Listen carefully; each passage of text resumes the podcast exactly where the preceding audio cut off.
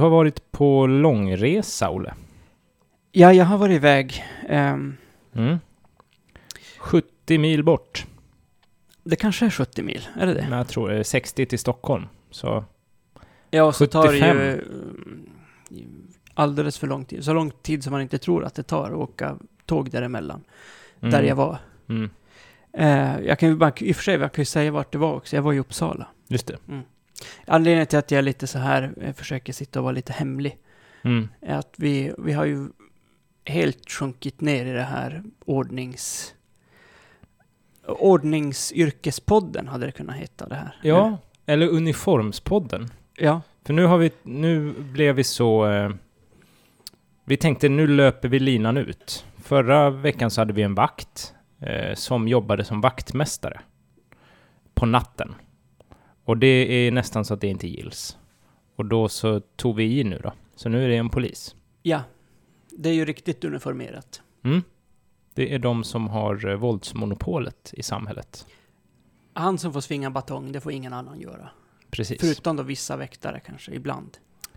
Lite, vissa väktare kanske viftar med den lite oftare än de borde också. Ja, och det kanske också kan hända med polisen.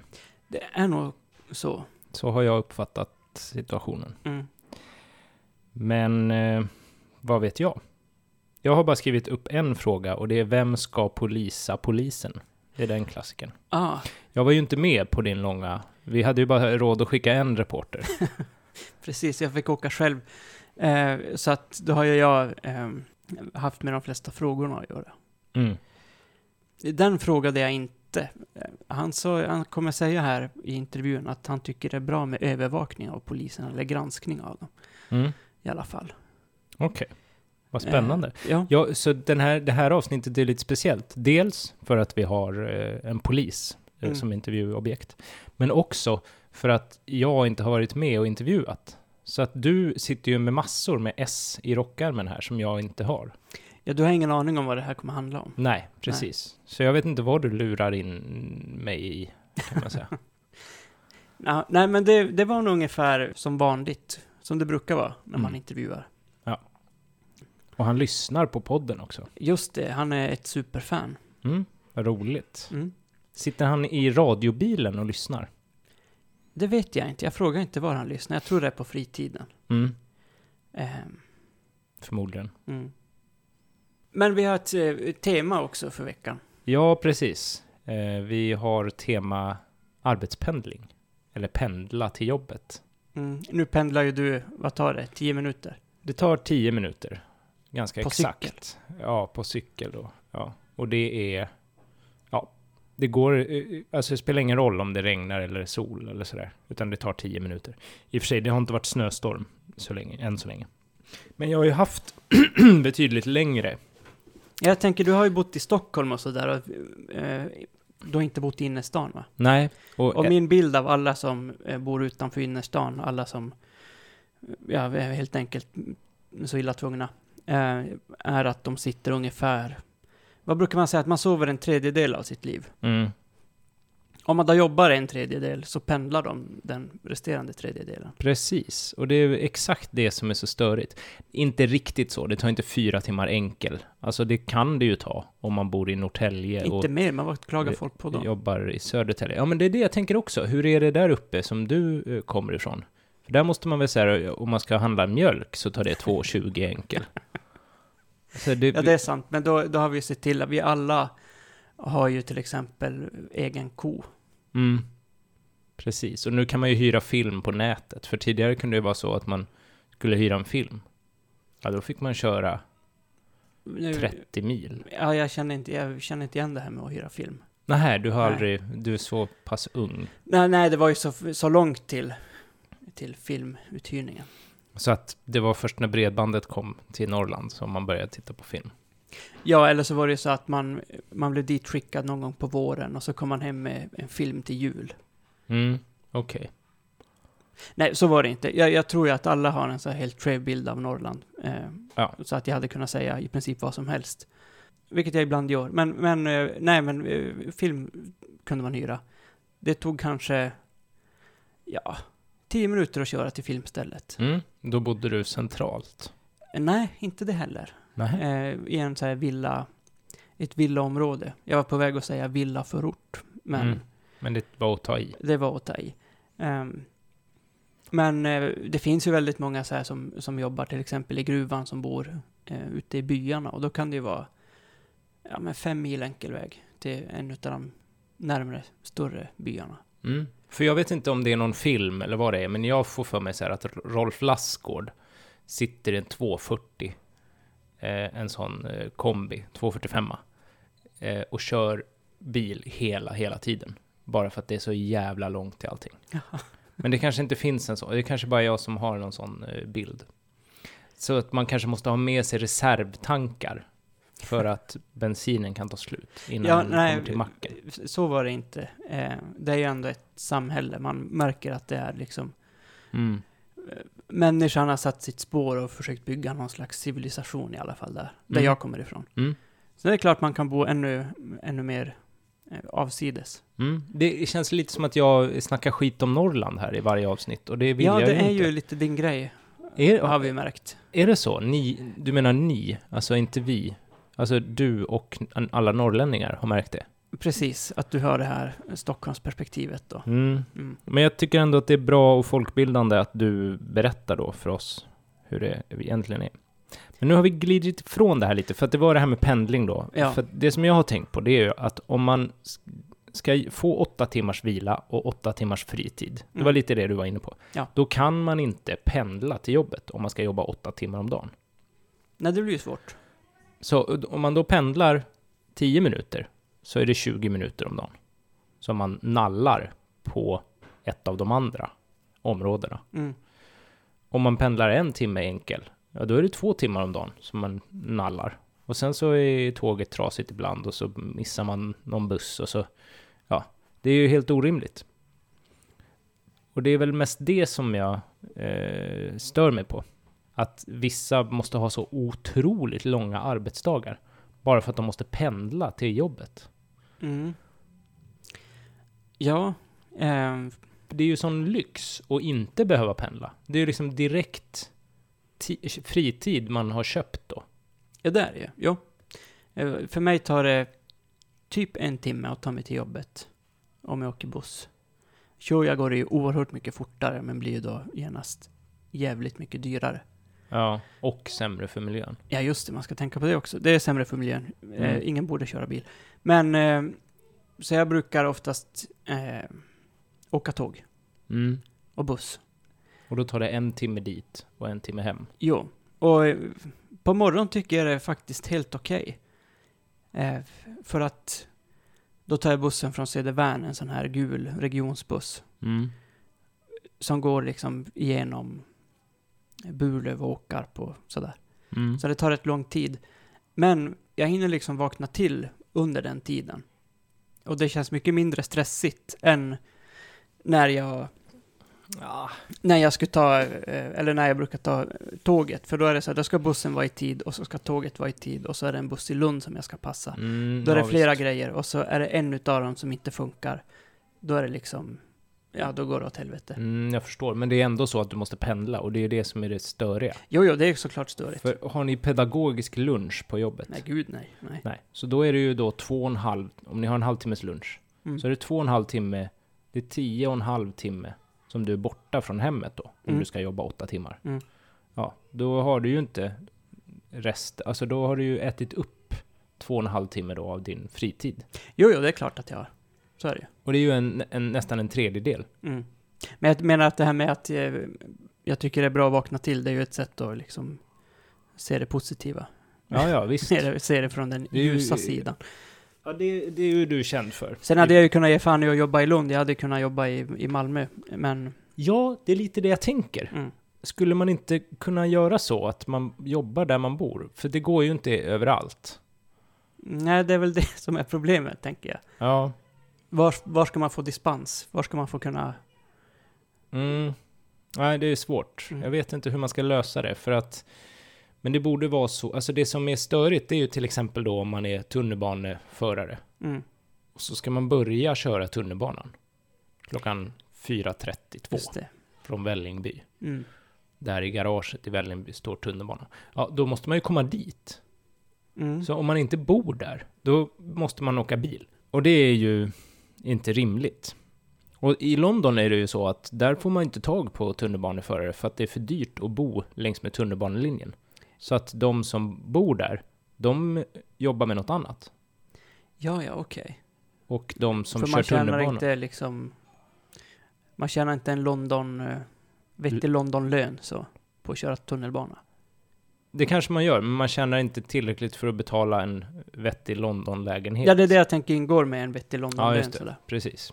För de är ju så sjukt dyra. Mm. Så då får man bo i en våningssäng. Om man ska köra tunnelbana kanske. Mm. Och då är det lite tillbaka till för eh, allmänna rösträtten. Ja, hur var det då? Men då var det väl så här, man hyrde en kökssoffa. Eller liksom en plats i en kökssoffa. Det kanske sov en till människa i kökssoffan. Sen kanske den dog av typ någon sjukdom. Tuberkulos? Ja, Tyfus? precis. Och då kanske man själv också blev sjuk. Det visste man inte. Det fick man chansa lite. Men man hade liksom inget val. Vad skulle man göra? Och sen då så kom man på att jo, men vi kan ju säga att det här går vi inte med på. Lite så var det väl. Ja, okej. ja. En kort beskrivning av den svenska arbetarrörelsens historia. Det är ty tyfus i en utdragssoffa. Komma på att det inte är rimligt. Och sen säga till. Och säga till. Och sen får man sossarna. Ja. Ja. ja, det låter som en helt korrekt eh, historieskrivning tycker jag. Ja. Mm. Och nu är vi tillbaka där igen då nästan. För att nu måste vissa då åka skitlångt för att jobba med jobb som kanske inte ens är superintressant eller superspetsade liksom. Nej. Utan man bara måste åka för att man typ inte får a-kassa om man säger nej till ett jobb. Så då blir det ju så. Det var ju, vi var ju inne på det här om veckan, de här personerna som pendlades toklångt för praktikplatser i... Ja, just det. De där med han Kurt Ivan, Ja, the king of fucking everything-snubbens Ja, flyktingboende. De fick ju pendla så in i helvete. Ja, det var både 10 och 30 mil. Ja, det är ju inte rimligt. Nej, det är, det är helt orimligt. Då har man ju inte åtta timmars arbetsdag. Det kan man ju inte säga. För det kan ju inte vara så att det räknas som fritid och sitta och pendla. De var ju dessutom, åkte ju dessutom kollektivt. Men ja, gjorde de det varje dag eller? Nej, det vet jag inte, men det var en de inte bild liksom där de... flyttade på något sätt. Jag tror det till och med var någon sån lösning. Ja, Hoppas jag ändå liksom. För, för ja, dem. men, ja, men precis. Ja, det är Ja, okej det är då. också jävligt konstigt att man bara kan eh, Får man göra så? Man, beställa en, en praktikant som man flyttar lite på. Så. precis, så skulle man ju inte kunna göra till Östermalm. Om det var någon som behövde köra eh, Djurgårdsfärjan. Nej, Ja, men då måste den bo på Östermalm, för att de börjar så tidigt annars. Då fixar vi en lägenhet på Östermalm, då får någon annan gammal tant flytta på sig.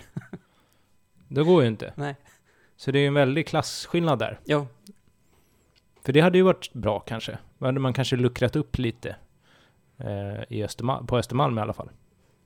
Jan Guillou brukar ju hä- hävda att det är oerhört blandat där. Eller han har gjort det en gång i alla fall. Han har gjort det en gång. Mm. Ja, Okej. Mm, nej, jag har inte upplevt det. Det- Jag har inte varit där så mycket, men eh, det var inte, jag tänkte inte på att det var blandat rent inkomst och bakgrundsmässigt i alla fall. Man tänker inte så här, åh, det här är Stockholms Möllan. Nej, Nej, inte riktigt. Ja, sen nej, hur länge Möllan nu kommer vara kommer vara så mysigt. det får vi se. inte. Och det kanske beror på hu- huruvida min pendlingsreform går igenom eller inte. Mm. Vilken det nu är, för jag har inte riktigt lyckats eh, formulera den. Nej, men du är, du är något på spåren. Jag tror att du kommer komma tillbaka till det här. För man kan ju säga sex timmars arbetsdag, men då betyder ju det fortfarande då att de som har tio minuter bort till jobbet, då får ju de ännu mer fritid. Alltså, Mm. då får ju alla mer fritid och det är ju bra, men man utjämnar ju inte eh, antalet timmar fritid. Nej. Alltså jag är inte emot sex timmars arbetsdag, men jag tycker att det kanske behövs ännu en reform som är någon slags förbud mot pendling. Man får bara jobba inom sitt eget kvarter. Ja, precis. Mm. Eller kanske tio minuter med cykel, det kanske är rimligt. Det, du, utgår, du ska inte behöva flytta i alla fall, tänker jag här. Nej, just där går gränsen. Ja. Ja. Nej, men någonstans måste man ju dra den i alla fall. Ja. Så vi får se hur det blir. Eh, får skissa på någon eh, eh, lagförslag Mm. som vi kan lämna över till någon person. Någon med makt. Mm. Men ska vi intervjua den här eh, andra maktpersonen? Just det. Honom kan man inte lägg- lämna lagförslag till. Nej, det kan man inte. Nej, men, han eh, har koll på lagen. Det verkar som att han har det. Det får vi hoppas lite. Mm. Mm. Ja, men vi lyssnar. Och vi börjar ju då med kortfrågorna. Där den första är om han fryser mycket på jobbet. Ja. Eh, Det finns ju, antingen fryser jag jämt eller också svettas man jämt. Det finns inget mellanläge. Jag har samma dojor om det är minus 25 eller plus 25 och vintertid är det ju så att då sitter man kanske i en varm bil och så måste man ut i en trafikolycka. Och man är ändå uppväxt med att man ska klä sig enligt någon form av lager och lager princip och skyddsvästen omöjliggör ju det. På vintern blir det svinkallt och på sommaren å andra sidan så finns det liksom då drunknar man i svett för liksom, den stänger inne både kyla och värme. Men jag fryser väldigt ofta skulle jag ändå säga. Förutom sommartid, då är det tokvarmt. Det gjorde han. Mm. Både Eller så svettas han. Mm. Och det kan man säga, den här, det här svaret beror inte så mycket på huruvida personen är frusen eller inte, verkar det som. Nej, utan det har ju väldigt mycket med uniformen att göra. Mm. Eh, som är likadan oavsett årstid och så. Jag frågade om honom även om han får använda shorts och så, men det går tydligen inte för sig. Nej, men det, det är väl ändå någon jävla ordning får det väl vara. Hade det inte varit lite gulligt med poliser i shorts? Jo, kanske. Jag tänker, det är bara för någon dag sedan så såg jag en sån här cykelpolis. Jag har aldrig sett dem tidigare, men i Lund kom det en. Mm. Helt annan känsla av senaste gången jag, eh, innan jag såg polisen i Lund, då kom de på en stor sån häst. Ja, just det. De Och där frågade- superstora. Hur jävla stor som helst. Så Och så meter. de en, eh, ja, någon eh, alkoholist, så, Mm. det man kallar A-lagare som satt och Mm. liksom hade det riktigt trevligt. De satt liksom på hästen och frågade den här, jaha, hur var det här då? Mm. Och det känns som att hur jävla skräckenjagande som helst behöver man väl inte vara. Nej, nej det är onödigt. Men tänkte du när du såg den cyklande polisen, tänkte du så här, aha, där är det en som är på väg till sitt jobb som polis. Nej, jag tänkte faktiskt att det här är nog en, eh, en i tjänst. Hade den liksom någon form av emblem på cykeln? Det såg jag inte. Nej. Jag fick bara sån chock när jag såg en polis med cykelhjälm, för det har de, Mm. eh, och ja, på cykel. Och han läste eh, på mobilen samtidigt som han cyklade. Nej. Ja. Höll han i telefonen? Han höll i telefonen och så sen körde han mot färdriktningen och ställde sig Nej, på fel du, ställe. Så Du skojar? Nej, det är helt sant. Ja, men vad är det här? Så jag var på väg att göra ett sånt envarsingripande. Jag höll mig. Mm. För jag vet ju hur... Eh, att eh, försöka få dit snuten verkar ju omöjligt. Så att, Mycket byråkrati blir det. mm. Mm. Men som sagt, man verkar antingen ha det väldigt varmt eller väldigt kallt. Mm. Just det, det var det vi frågade. Ja. Och eh, nästa fråga då. Avföring eller andra kroppsvätskor. Oh, vad spännande. Pyssla med det. Mm. Ja, absolut. Eh, alltså om man ska ranka kroppsvätskorna i förekommande så ska jag ändå säga urin och blod är mer vanligt förekommande än avföring. Men även, även spya kommer in på listan där någonstans. Så, ja, absolut. Jo då. Inga avloppsrör här inte. Nej, Här är det direkt på bara. urin och blod och en del spya. Mm. Och bajs också lät det som, men han kom inte in på det. Eller? Nej, alltså det verkar ju som att han... Han att man får vara med om i princip alla möjliga kroppsvätskor. och Så. Mm. Men ehm, mest vanligt förekommande verkar då urin och blod vara. Gick du in på det? Vad, vilken ty- alltså är det så här att man försöker hindra någon som är full och kissar ute eller? Jag tror det är ganska många som har kissat ner sig. Mm, någon som man tar hand om. Mm. Omhändertar. Den här LOB, som det kallas. Lagen om... Omhändertagande av berusad. Mhm. Där kan det vara mycket kiss tror jag. Ja, det är klart. Och blod, det tror jag har ganska mycket att göra med Ja, det kan ju vara allt möjligt. ja, mycket misshandel och sånt där ju. Mm. Eh, som de åker på. Så då, är, då blir det nog blod. Mm. Spya kanske mer vid fylla också då, tänker man. Ja, riktig fest. Ja, När brukar det komma? Det kommer innan. Innan kisset. ofta. innan man kissar på sig själv. Ja. Ja, det skulle jag säga. Mm. Ja, ja. Eh, vi gick, eller ja, det är ju du som gick vidare, så det är ju spännande för mig det här att inte veta vad han ska svara faktiskt. Ja. ehm, nästa fråga är om eh, uniformen. Mm. Måste han ha uniform? Spännande. Det måste man ju, men det beror lite på. Jag gillar ju att jobba civilt, så det gör jag då och då. Då har man ju inte uniform, eller man har ju uniformsdelar som inte syns. Men eh, vanligtvis har man ju uniformen och den fungerar ju som någon form av skydd mot allt liksom. Ja, dels är det med kängorna då som man har oavsett väder. Eh, sen är det ett par uniformsbyxor och de stora fördelarna med det är som har vadderade knän, men det finns stora fickor, man måste ju ha med sig så väldigt mycket. Jag hade ingen aning om att polisen var tvungen att släpa med sig så mycket grejer. Eh, sen har man ju en, oftast en, någon form av fukttransporterande tröja underst som transporterar det till skyddsvästen det tar stopp. För, eh, men en skyddsväst har man ju alltid på sig. Eh, och så sen en skjorta då, eller en jacka över det om det är vinter. Den fula båtmössan som alla känner igen. Den är, och, eh, men sen också ett vapenbälte med eh, tillbehör och beväpning. Det är väl grunden. Sen har man ju också i bilen har man med sig en insatsväska, en stor trunk, som det vet inte folk, men släpar man med sig. Där har man med sig liksom skyddsmask, förstärkningskläder och någon gammal söndersmulad kexchoklad som ligger längst ner och eh, andra, den typen av saker. Sen har man ju alltid tillgänglig i bilen. Vad, vad är en skyddsmask för något? Ja, en sån här gasmask exempelvis, om det, om det skulle vara någon form av olycka med kemikalier eller eh, så, så vidare. Där får man göra ett täthetsprov på under aspiranten och andas i ett tält med tårgas och så sen sitter tajt.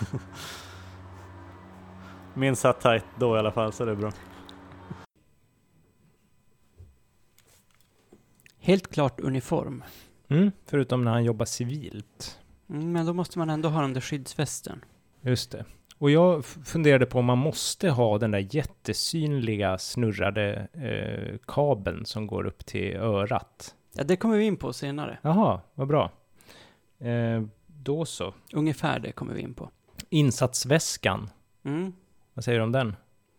Jag har sett bild på den. Ja, Den är ju helt fantastiskt stor. ja. Den tar upp ungefär så här en hela bakluckan. På en V70. Mm. Mm. Det är mycket, många liter. Ja, så att det verkar vara ungefär som att eh, att vara polis när man packar bilen, det är ungefär som att vara sån här hockeyfarsa. Mhm. Att man bara måste ha in alla möjliga skydd.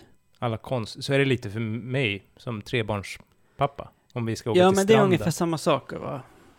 Så om vi ska åka till stranden så bara, åh herregud, var är nu den eh, uppblåsbara leksaken? Och sen vattenpistolen och sen...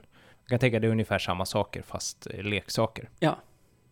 Vi Mm. har ju ingen sån där mask, men då kan man ju ha ett cyklop då, till Mm. exempel. Kexchoklad, ja, händer ju också. Det kan man ha med sig till stranden. Ja. Ja. Så det är väl jämförbart. Jag vet, då vet jag ungefär hur det är. Ja. För jag tittade ju lite på, eh, på en annons. Jag googlade ju eh, hur liksom man söker in. Mm. Och då var det ju vissa grejer man måste kunna. Det stod ju inget att man behövde kunna packa sådana jobbiga väskor.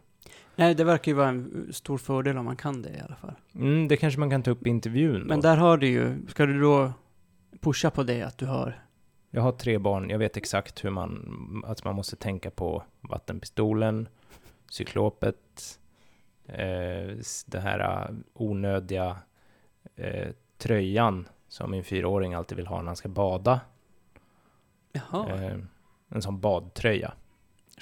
kallar han den skyddsväst? Nej men det är väl ungefär som, eh, eller vad var det där andra han sa att han hade ovanpå skyddsvästen? Fukt, Fukttransporterande tröja. Mm, en sån är det. Mm. Ja. Skyddsväst, det vet jag inte. Det, vad det skulle kunna vara.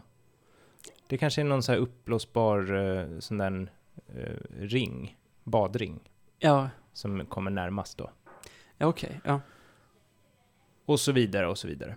I alla fall, det kommer jag inte kunna komma in på. Eh, utan det var inte det de ville ha. Utan de ville ju veta, bland annat så ska man simma. Eh, Jaha. man skulle klara av att simma 150 meter bröstsim på sex minuter tror jag. Är det baddaren eller vad heter den? Eh, Simborgarmärket? simborgarmärket är 400 meter. Men då Jaha. är det inte på tid, Nej, har jag för mig. ingen tid alls. Så man kan liksom flyta Man måste några väl... hundra meter. Ja, jag tror det. Fast man måste Men ändå vara vid hinna, liv. Är också måste ju hinna klart innan de stänger sim... simhallen. Ja. Men eh, däremot så, och det stod någon jättekonstig sån polissvenska som ni kommer in på lite sen. Mm. Eh, kom, där stod det ju att man behövde god syn då. ja, vad innebär det? Ja, nu ska vi se, nu har jag inte det här framför mig. Det var plus 0,1 kunde man ha utan att korrigera. Mm. Plus Utan att 0,8 korri- då om man, att man, korrigerar. om man, korrig- om man korrigerar så tänker jag att man kisar så här. Är det att korrigera? För jag tänkte så här, är glasögon korrigering? Det, det tror jag det är. Jag tror det är det de menar. Får man springa runt om Med man är polis? stora nördiga briller. stora nördiga briller som inte är sådana pilotsolglasögon. Det här, jag tror faktiskt, det här är ju en gång som vi faktiskt eh, kommer kunna få svar på våra frågor som vi ställer utanför intervjun. Mm. Ehm, så ja, vi får väl slänga ut den. Eller betyder korrigering då att man gör sån här laseroperation? Men vad spelar det då för roll om man har haft det? Om man rättar Ja, jag tänker till det med vitsen med en laser? laseroperation är att man inte ska ha något fel. Då är de ju korrigerade. Ja, Men då är de ju inte kvar. Varför kunde Nej. man inte haft 0,9 då? Om man har korrigerat det? mm, Ja, det här undrar jag. Mm. jag fast jag har ju inga, inga synfel, men du har ju det. Så din eh, ansökan hänger ju löst här. ja och jag är ju inte sugen på en la- laseroperation. Nej, Så jag kommer nog inte det kanske söka inte blir... polistjänst. Nej, då. och då förlorar Jag de... föll på glasögonen. Ja, det vore ju snopet. Ja. Så det får vi kolla upp. Mm. Det var, det var, det var den frågan. Då kör vi nästa kortfråga då. ja, det är om man har en fysisk arbetsplats.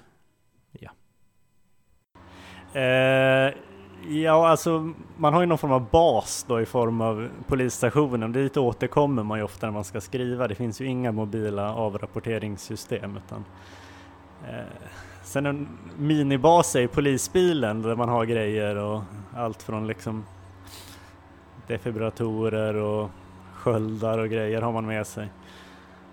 Sen kan man göra små utflykter från den men jag skulle säga att man kan ju hamna var som helst från polisstationen men bilen är man ju ofta i närheten av. Och man kan ju röra sig över ganska stora områden. Eh, så man, men vissa dagar är man ju nästan aldrig på polisstationen. Man, man börjar där och så slutar man där kanske. Så det är väl lite både och, blir väl svar på den frågan. Det finns ju sällan tid att fotpatrullera i den omfattning man kanske skulle vilja göra. Men eh, bilen är ju liksom den mobila basen. Där har man ju egentligen allt man behöver kan man säga. Eh, men all avrapportering, och det är ändå ganska mycket i yrket, det sker ju på stationen.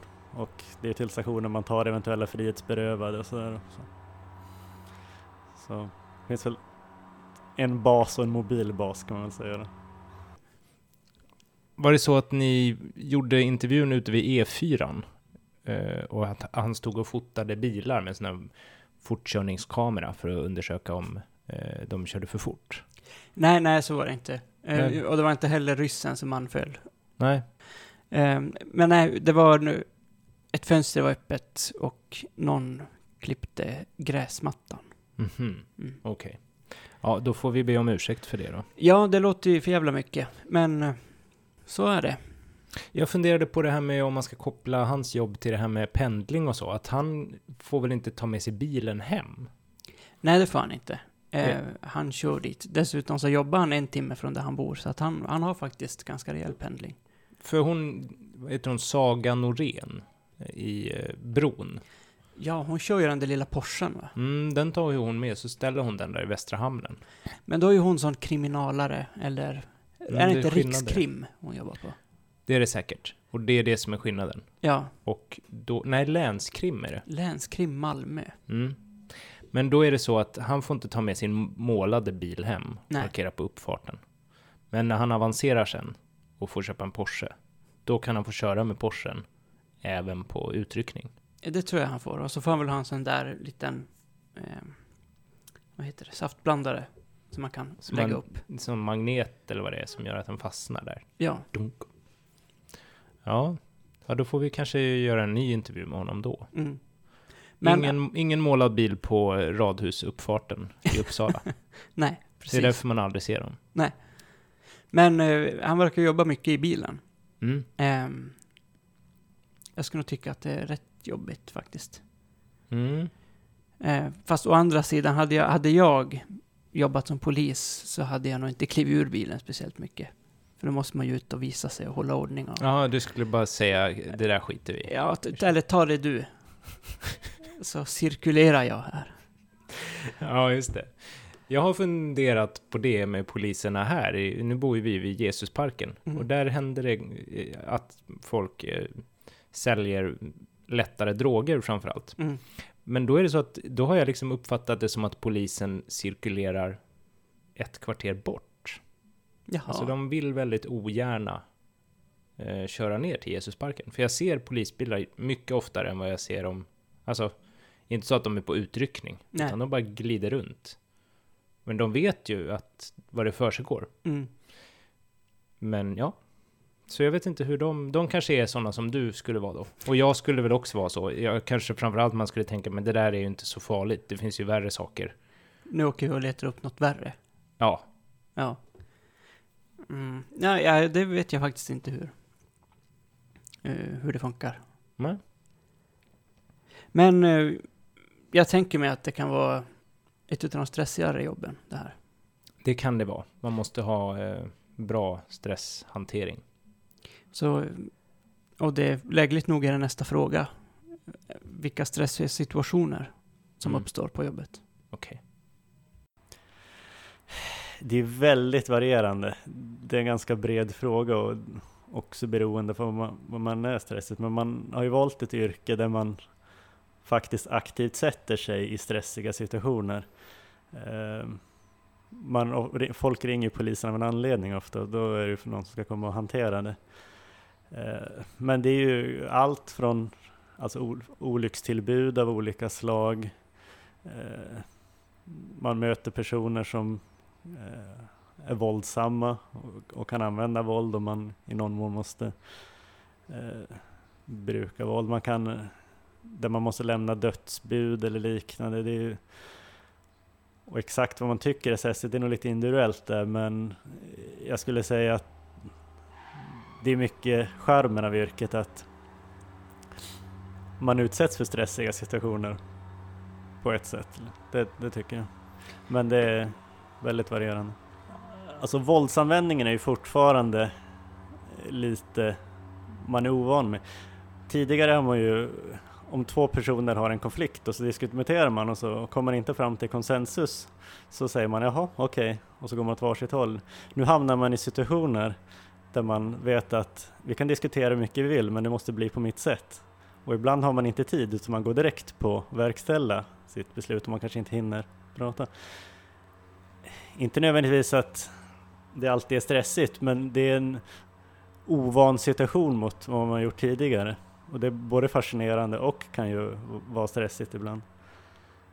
Men eh, stressen för mig funkar positivt. Liksom. Man skärper sig och när det kommer ut ett brott om jobb via radion eh, då går pulsen igång och jag gillar ju det faktiskt. Ja, tycker Ja, du nu- det verkar stressigt? Jag kan ge dig ett rakt besked här. Mm. Att jag kommer aldrig någonsin i hela mitt liv bli polis. Det verkar ju stressigt hela tiden. Alla situationer verkar vara stressiga och jobbiga.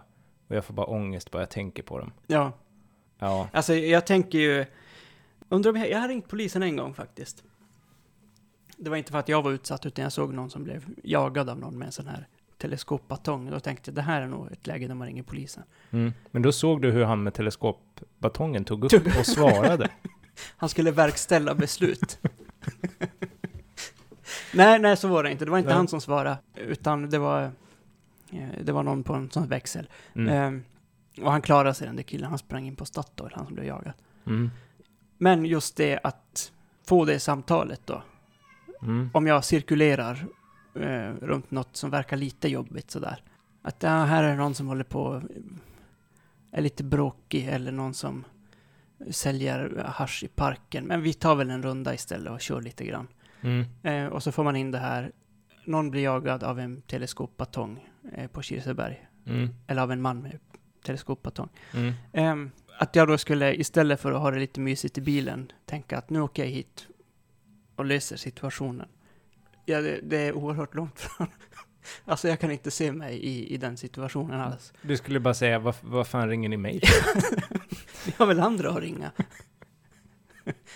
Jag är den här som är synlig. Så. Ja, nej. Ja. Ehm, men vi märker ju här ett litet eh, fall av polissvenska. Mm. Just det, verkställa. Mm. Vilket då betyder, ehm, ja, Vad var det han sa? Har du hela meningen? Verkställa sitt beslut. Ja. Då kan man få bråttom att verkställa sitt beslut. precis. Någonting sånt.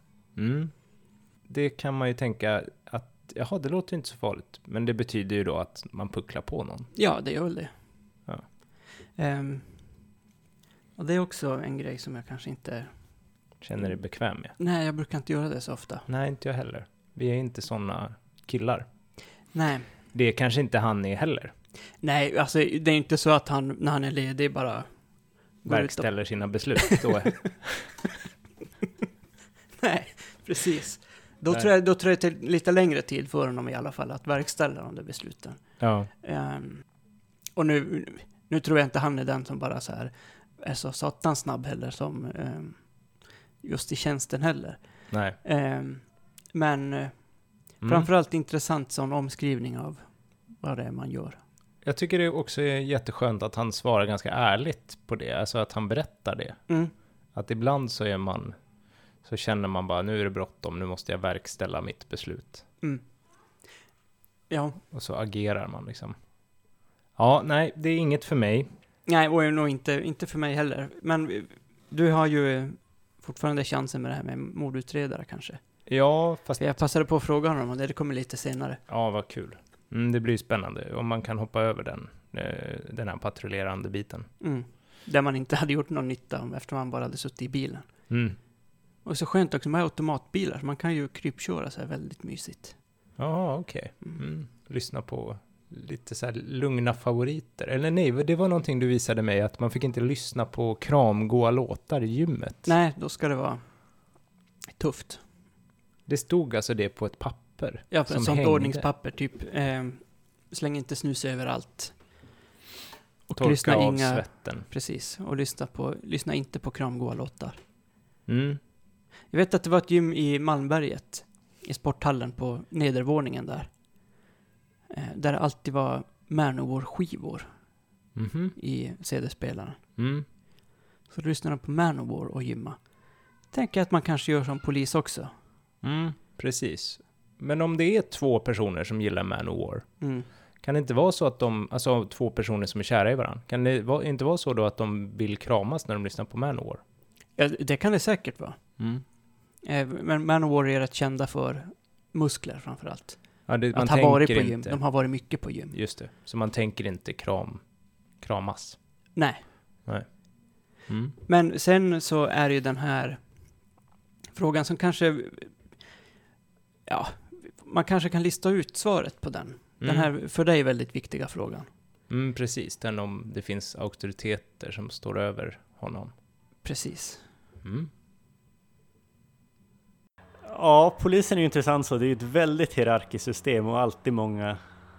Du kan nästan det bygger mycket på att du kan lösa situationerna som du själv vill, men någon annan ska ju alltid överpröva det, det beslutet sen. Griper du någon så kommer du in och så ska det, ja men först ska det prövas av stationsbefälet och så sen får du ringa åklagaren, och åklagarföredragning och så ska han bestämma. Och skriver man en anmälan så ska någon läsa igenom den och godkänna den och det finns ett förman. Mycket är ju tänkt för att det ska vara rättssäkert. Men det är väldigt, alltid någon över det hela tiden. Är man två i patrullen så är det en är ju en förman för den andra. Det är ju ett mycket hierarkiskt system skulle jag säga. Det finns alltid någon över. Mm. Mm, du låter, jag tänker att du är helt bekväm med det här. Mm, precis, om det inte hade varit för att jag redan sa nej på förra frågan. så hade jag ju tagit det. Ja. Det verkar ju härligt där liksom alla... För att jag har ju funderat på det här, vem polisar polisen? Mm. Men det är ju de själva då. Ja, det- Så är det ju. Så polisen polisar sig själv. Och det Och- verkar ju vara väldigt svårt att, att få till, eller få dit poliser som gör fel. Mm. Alltså du menar sätta dit dem ordentligt? De Ja, gör precis. fel, Ja. men då händer inget. Och så är det ju i många andra eh, fall där folk gör fel är det ju en sån här utomstående granskare så. Men Mm. polisen granskar ju sig själv. Ja, det är väl det du menar, polisar polisen. Ja. Och det är ju, måste ju vara jätteeffektivt. Ja, Alltså, för dem. Skönt. ja verkligen. De slipper, alltså den högsta auktoriteten då, vilken är det? Det är liksom polis... Det är väl han som alla poliser nu tycker väldigt illa om, han Dan Eliasson. Rikspolischefen. Just det. För att det är ju ingen minister Nej. som är... Det är ju inte commander in chief som i USA. Att det är presidenten som är... Nej. Han är ju inte över polisen i och för sig. Han Nej, är, men han är, är över han över armén. militären. Ja. Mm. Okej, så den polischefen, han är inte politiskt tillsatt, utan han är bara... Han har ju arbetat sig upp. Ja, var, vart han arbetat sig upp från? Det var väl Migrationsverket bland annat, tror jag. Aha. Eller var det Arbetsförmedlingen? Det var något sånt där annan Så han är... impopulär myndighet som han... Okej, han, har, han har jobbat den vägen. Mm. Blivit chef för olika myndigheter. Som ingen gillar, typ. Eller ingen... Som alla har någon åsikt om. Och sen så blir han impopulär där, bland, till och med bland de som jobbar där. Ja. De enda som kanske inte är superkritiska till sig själva. Ja. De börjar hata sin chef. Då byter han myndighet. Ja. Ända tills han kommer till den, en av de mest ifrågas, eller ifrågasatta, men en, en, en, den myndighet som diskuteras mycket. Ja. Och huruvida de kan ta ett tag i sina problem och så. Där blir han chef då. Precis. Och nu har han ju inte suttit så, så länge, men det verkar inte vara ett jobb man kanske vill vara på så, så jävla länge. Han tar det ett par år, sen kan han åka ut och fiska. Det borde han ha kunnat gjort innan. Det är också en sån här grej, jag fattar inte riktigt varför folk blir såna jättehöga eh, chefer. Jag förstår inte drivet liksom. Nej, du tänker så här, men vadå, hy- hyran är ju ändå 6 000 spänn i månaden. Ja. Hur ska länge måste jag jobba för att slippa det här? Ja. Det är så här, helt från ämnet, eller vilka helt av från ämnet. Men till exempel, jag hade varit en utav de absolut sämsta näringslivstopparna. Mm, för du skulle gå hem efter två minuter. Eller? ja. Eller efter så första bonusen utbetalad som är på typ 10 miljoner. Mm. Eh, och då eh, ofta med bra lön sådär för själva styrelsearbetet. Då hade jag ju känt att nu, nu räcker det här. Mm. ABB, tack för mig. Eh, Tack.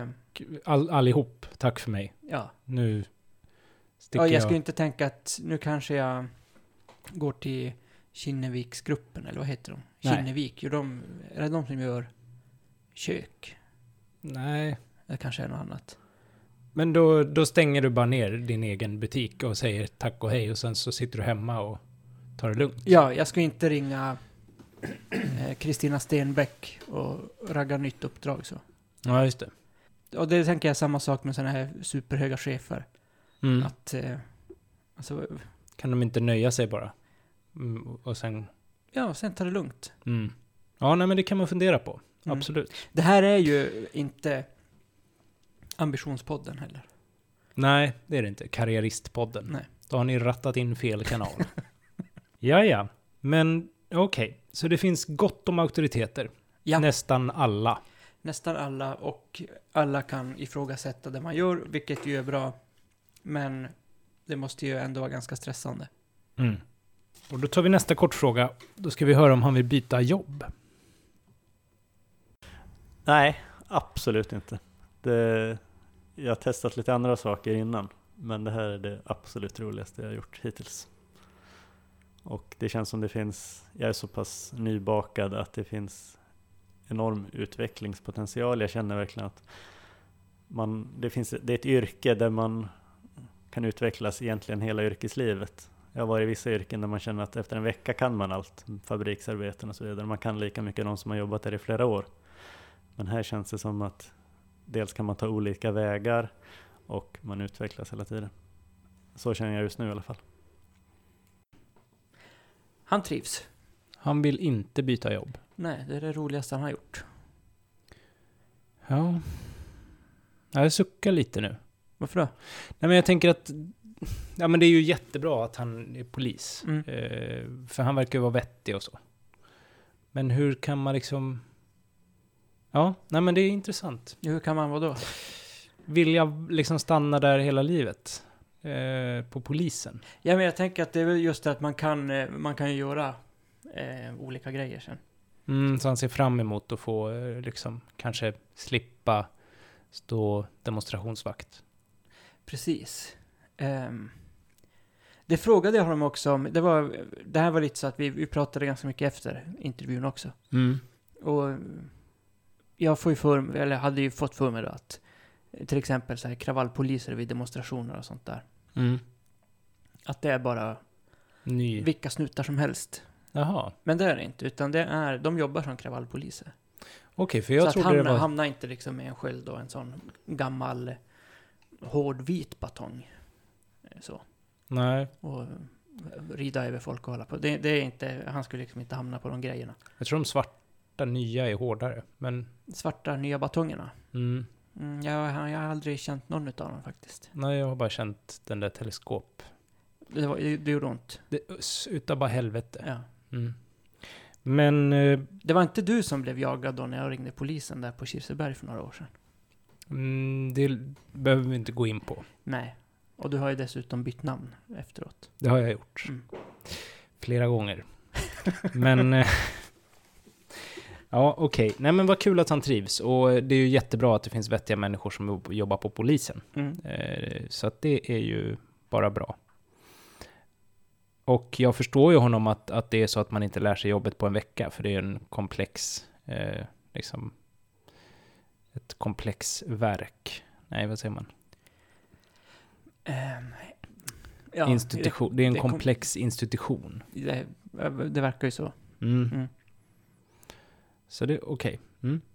Då var det det här med välbefinnande. Just det. Hur lyder nu frågan? Måste du... Har du ansvar för någon annans välbefinnande? Ja.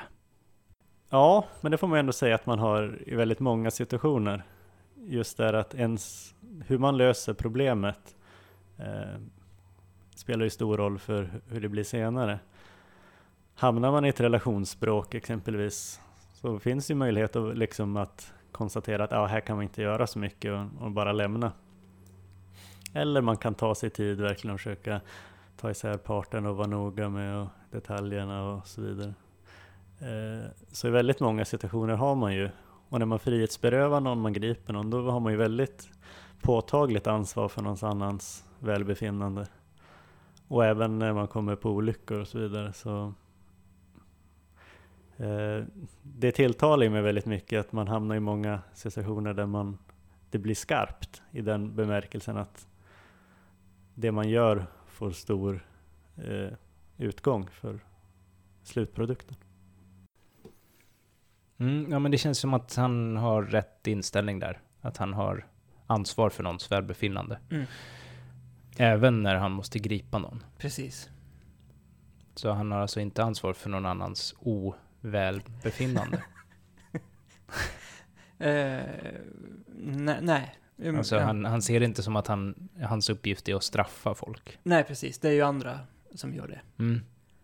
Så där får han, det, det är ju det, det är bra, bra Mm. tänkt. av honom. För jag tänker liksom det här, jag har ju inte träffat honom. Nej. Men vi har ju pratat innan om att folk som vi intervjuar verkar passa väldigt bra på sina jobb. Och att det är det som är så eh, spännande att prata med dem. Att de verkligen gör sitt kall. Hur skulle du säga, hur är det med den här personen? Alltså jag tycker han passar väldigt bra. Mm, Så det är på det sättet att man blir förvånad över att någon som är så vettig, alltså som person, mm, är polis. För att jag har ju också lite den här bilden av att ja, men, poliser är som de är. mm, Slår, slår och skjuter och är otrevliga. mm, Inte bara då, men att många liksom gillar att vara det i jobbet och det är kanske därför då man, man blir polis. Ehm, som det vi pratade om tidigare, att de, folk som inte har problem att kliva ur bilen då när de ser något, utan bara så här, ska gå säga till någon att ge fan i det de håller på med liksom. mm. Ehm, men det, så verkar han inte vara. Nej, Utan han verkar vara precis tvärtom det. just det. Så om det var diktatur och du bestämde, då hade du kunnat tänka dig att anställa honom som polis? Det hade jag kunnat göra, jo. Mm. Okej. Men då tar vi nästa kortfråga då. Ja, det är den sista. Den nya frågan. Om man har söndagsångest. Ja, för det första så måste man säga att jobbar man treskift så finns det inget som heter söndagsångest. Söndags kan ju innebära att man går på en tre dagars ledighet och så vidare. Eh, Men absolut inte. Jag känner en stor glädje att åka till jobbet just nu. Det, så jag har ingen söndagsångest. Även om den är på tisdag. Ingen söndagsångest oavsett när i veckan söndagen infaller. Just det. Och det kanske har att, att göra med att han inte vill byta jobb. Att han trivs väldigt bra på sitt jobb. Ja, precis. Det hänger nog ihop. Mm. Ja, Okej, då är de avbetade. precis. Det var, eh, det var kortfrågorna det. Mm. Eh, och jag, kanske ska komma med ett litet förtydligande här. Mm. Det, Ehm. det är nog på sin plats. För kännedom så... Eh, jag pratade med honom sen efter vi hade gjort intervjun. Eh, om det här med att verkställa beslut. Så. Mm. Mm. Eh, och vi kanske fick det att låta som att han eh, slår först och frågar sen, bara direkt så. Mm. Eh, och riktigt så menade han inte. Eh, men det lät ju kul när vi sa det. Just det, så de som stängde av precis efter det, Ja, de... de eh, tror att det är så. ja. Men ni andra som har lyssnat vidare, Men de kanske får- bara lyssnade liksom för att få den bilden bekräftad så. just det, det var det jag visste och sen in på Facebook. Twitterstorma. Ja. Eh, nej, men han menar att det kan ju även vara i situationer där han ska, så här, ska bara måste skriva en böteslapp eller något sånt där. Och någon håller på att argumentera emot. Och det, det är ju en sån grej som man kan ju få sina böter prövade i domstol sådär. Mm. Men att det då kan vara så att, ja men du får hålla på och gaffla hur mycket du vill, men du får den här nu hur som helst. Sen får du göra vad du vill med den. Ja. Eh, och samma sak med gripanden och sådär att det behöver ju inte vara världens mest våldsamma teleskopbatonggripande så. Utan att någon får tycka att de inte ska bli gripen, men eh, de ska ändå med. Mm. Så. Okej. Mm. Eh, Så det var inte bara batongrelaterat. Nej, det var inte bara våld. Nej. Okej. Ja, men det är ju bra. Då har vi rätt ut det. Jo, han jobbar ju rätt mycket som civilpolis. Alltså inte i uniform. Ja, Just det, och då har han inte batongen med sig. Ja, jag tror han måste ha, kanske inte batongen, men en massa andra grejer i alla fall med sig. Men jag tycker det är väldigt intressant med folk som jobbar som poliser, men då inte ska se ut som det. Mm. Så jag frågar honom om hur det går till. Eh, skillnaden mellan att vara civilpolis och ingrip, och liksom uni- uniformerad är ju att man jobbar ju mer mot, man uppsöker brott kanske på ett annat sätt. Eh, det är klart man patrullerar, men eh, och det är vissa typer av brott ofta man jobbar mot och narkotika framförallt i, i mitt fall. Eh, jag tycker det är roligt därför att ja, det finns väl någon form av barndomsromantiserad dröm och civilspana mot narkotika. Men Eh, man slår ju underläge på ett annat sätt. Hipp hips så dyker man fram och aha, det är från polisen. Och personen ser förvånad ut. Eh, och man får smälta in i folksamlingar och andra sammanhang. Eh, jag tycker helt enkelt det är ett ganska, en rolig arbetsmetod. Att man observerar mycket, lägger märke till mycket detaljer och man jobbar mycket underrättelsebaserat också i och för sig. Men, Ehm, men man kan också jobba civilt i andra om man exempelvis ska åka hem och hämta någon, någon ungdom eller hem och prata med ungdomen och ungdomens föräldrar. Då vill man göra det civilt så att inte grannar i onödigt ska få uppmärksamhet. Problemet med att vara civil är ju alla grejer man ska få med sig. Det, annars har man de här stora benbyxorna när man har förband och grejer och man har batonger och, i bältet. Här måste man försöka. Så att ju kallare det är ju lättare att vara civilklädd för då kan man ha bylsiga jackor. Nu på sommaren när man har shorts och försöker se lite ledigt klädd ut så är det svårare att gömma alla saker. Ja men dels har man ju anteckningsblock, så har man ett, har ett första förband och så har man en sån här eh, avsnörande förband och så har man med sig plasthandskar och så har man med sig ja, lite andra jag, vet inte, skulle man tömma mina fickor skulle det liksom så här utandningsrör för trafikkontroller brukar det ligga ett gäng i mina fickor och eh, pennor överallt. Och så ska man ha eh, mobiltelefoner, tjänstelur, någon form av lur knuten till bilen. Och, Okej. För att, så det är inte riktigt som när jag var tio, som min favoritfilm Snuten i Hollywood. Jag vet inte om du har sett den? jag du... tror fan inte jag har sett den. Nej, men det är Eddie Murphy som springer runt i Hollywood. Han bor i Detroit, men sen så sticker han till Hollywood för att... Eh, Civilsnutta? Eh, lite. Hans ja. kompis blir skjuten och så måste han ta reda på vem det är som har gjort det. Okej. Okay. Är det så, är han snut eller? Ja, han är snut ja. i Detroit. Mm. Men de har ju lite mm, regler där med delstater och sånt som jag inte har koll på. Men då springer han ju runt i t-shirt och jeans. Eh, och gör en massa roliga grejer för att komma in på ställen. Nej, att... precis. Så verkar det inte vara. Um, Nej. Jag skulle säga att det är svårt att få in den där skyddsvästen, som alltså är en skottsäker väst, mm. uh, under en en t-shirt. t-shirt och få det att se så här avslappnat ut. Ja, bland annat. Men uh, han verkar ju ha rätt bra han, ja, som sagt, som sagt, han ser liksom inte, det skriker inte polis om honom när man träffar honom så. Eh, han har tydligen fått beröm för, från, från, från kriminella, från mm. buset. Mm. Eh, ja, att han, eh, de inte hade någon aning om att han var civilpolis. Nej. För jag tänker att många civilpoliser verkligen går in för den här civilpolisutstyrseln. Mm. Snaggat hår. Just det. Väldigt bra sådana här typ vandringsskor. Just det, precis. Och eh, sådana byxor som man har i fjällen typ. Mm. Att man ser ut som en scout, lite. Ja, men med en sån här eh, keps. Med väldigt liksom ordentligt böjd skärm. Okej. Okay. Det för mig är då, civilsnut. Då aktar du dig. Ja, då springer jag ju åt andra hållet. För jag tänker också att det är kul att eh, han kan få beröm av buset. Det är lite som att de bara leker en lek, liksom. Det kan ju också vara så att de blir jättearga och besvikna på honom och tycker så här, vad är det här? Ja, det kan det säkert vara. Du har ju bara lurat oss. Ja. Men jag de... tror ganska många, just när han, för då jobbar han mycket mot eh, narkotika, så. Mm. Där är det många som blir ganska besvikna. Mm. ja, men sen kommer vi till den viktigaste frågan, tycker jag.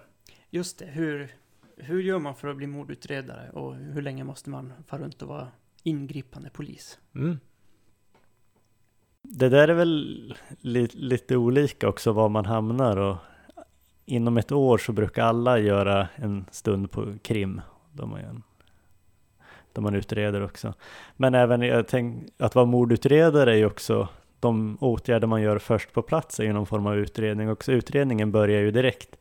Så är man vid ett brott så håller ju ingripande poliser förhör och man säkrar spår. Och det lägger ju grunden till den övriga utredningen. Eh, vid något avsnitt hörde jag att ni pratade om civila utredare och det håller ju på att bli vanligare. Men som, här kan jag ha fel, men tidigare i alla fall fick inte civila utredare hålla förhör med misstänkta utan bara vittnen och målsägande. Eventuellt håller väl det på att luckras upp. polis är ett yrke som eh, väcker många frågor och många åsikter, väldigt många åsikter. Polis är verkligen inte ett yrke för alla, eh, för det ställer ändå, tycker jag, höga krav på hur man är som person och så vidare. Däremot är polis ett yrke för många som inte tror att det är för dem. Eh, det, jag tror att många kanske som lyssnar på det här skulle kanske göra sig bra polis, även om de skulle tänka jag skulle aldrig i livet bli polis. Och det kanske mycket bygger på den felaktiga uppfattningen om vad polisen egentligen gör. Eh, man, det är väldigt brett att vara polis och det är väldigt hands-on. Man jobbar med utsatta, man jobbar med eh, problem och även om det finns en toppstyrning så gillar man jobba lösningsbaserat och lösa problem. Då är det ett eh, väldigt, väldigt roligt jobb. Ja. Mm. Så om jag nu ska bli mordutredare eh, och inte bli polis först, då får jag inte eh, göra sådana förhör med de misstänkta mördarna. Nej, precis. Men allt annat får jag göra. Ja, men jag tänker att det är väldigt viktigt med just förhören kring när man ska förhöra misstänkta mördare. Ja, just det. Ja, precis. Det... Du kanske är mer inne på så här teknisk bevisning. Som CSI-polis. Nej, det verkar inte så kul. Nej, jag, jag tror jag måste tyvärr lägga ner den här drömmen då. Men det kanske, det låter ju lite som att det är på väg att förändras det där. Ja, så när de har förändrat det Mm. så är jag, då står jag med mössan i hand. Ja, så jag vet inte om det är regeringen eller Rikspolisstyrelsen eller... Ja, om ni känner er träffade och har liksom mandat att påverka de besluten. Så när ni har påverkat dem, så mejla oss så kan Magnus komma in. Mm. Bra. För att, eh, precis, då, då är jag beredd. För att jag är ju lösningsfokuserad. Mm. Eller, jag vet inte. Ja, men det tycker jag du är. Men det kanske man inte ens måste vara, för då kommer jag inte vara polis. Eh, hur menar du nu? Eh, Det var ju, eh, polis var ju ett yrke där man måste vara Ja, ja, men du menar du ska lösningsfokuserad. vara eh, mordutredare? Men det kan ju vara bra att vara lösningsfokuserad ändå om man vill eh, liksom nå resultat i mordutredningen. Ja, så länge man inte är så där lösningsfokuserad så att ja, men vi måste få hit någon på det här. Ta det- den där pundaren från Sollentuna. Det är ju också en lösning. Ja, nu, nu är vi där igen. Det är andra gången som vi är inne på Palme här. Ja. Jag vet. Men det är så... Mm. Ja, okej. Bra. Men eh, jag skulle nog säga att det här inte är ett jobb för mig. I och Nej. med att jag inte hade velat kliva ur bilen. Nej, och så har du ju din, ditt synfel också. Just det. Så det är, Jag har två saker att skylla på. Mm. Och det ena är ju lite mer så okej att skylla på synfel. Mm, och då skulle jag kunna skylla på att jag skulle nog simma för långsamt. Jaha, ja. Hur snabbt var det man behövde simma? Var det 150 meter på sex minuter?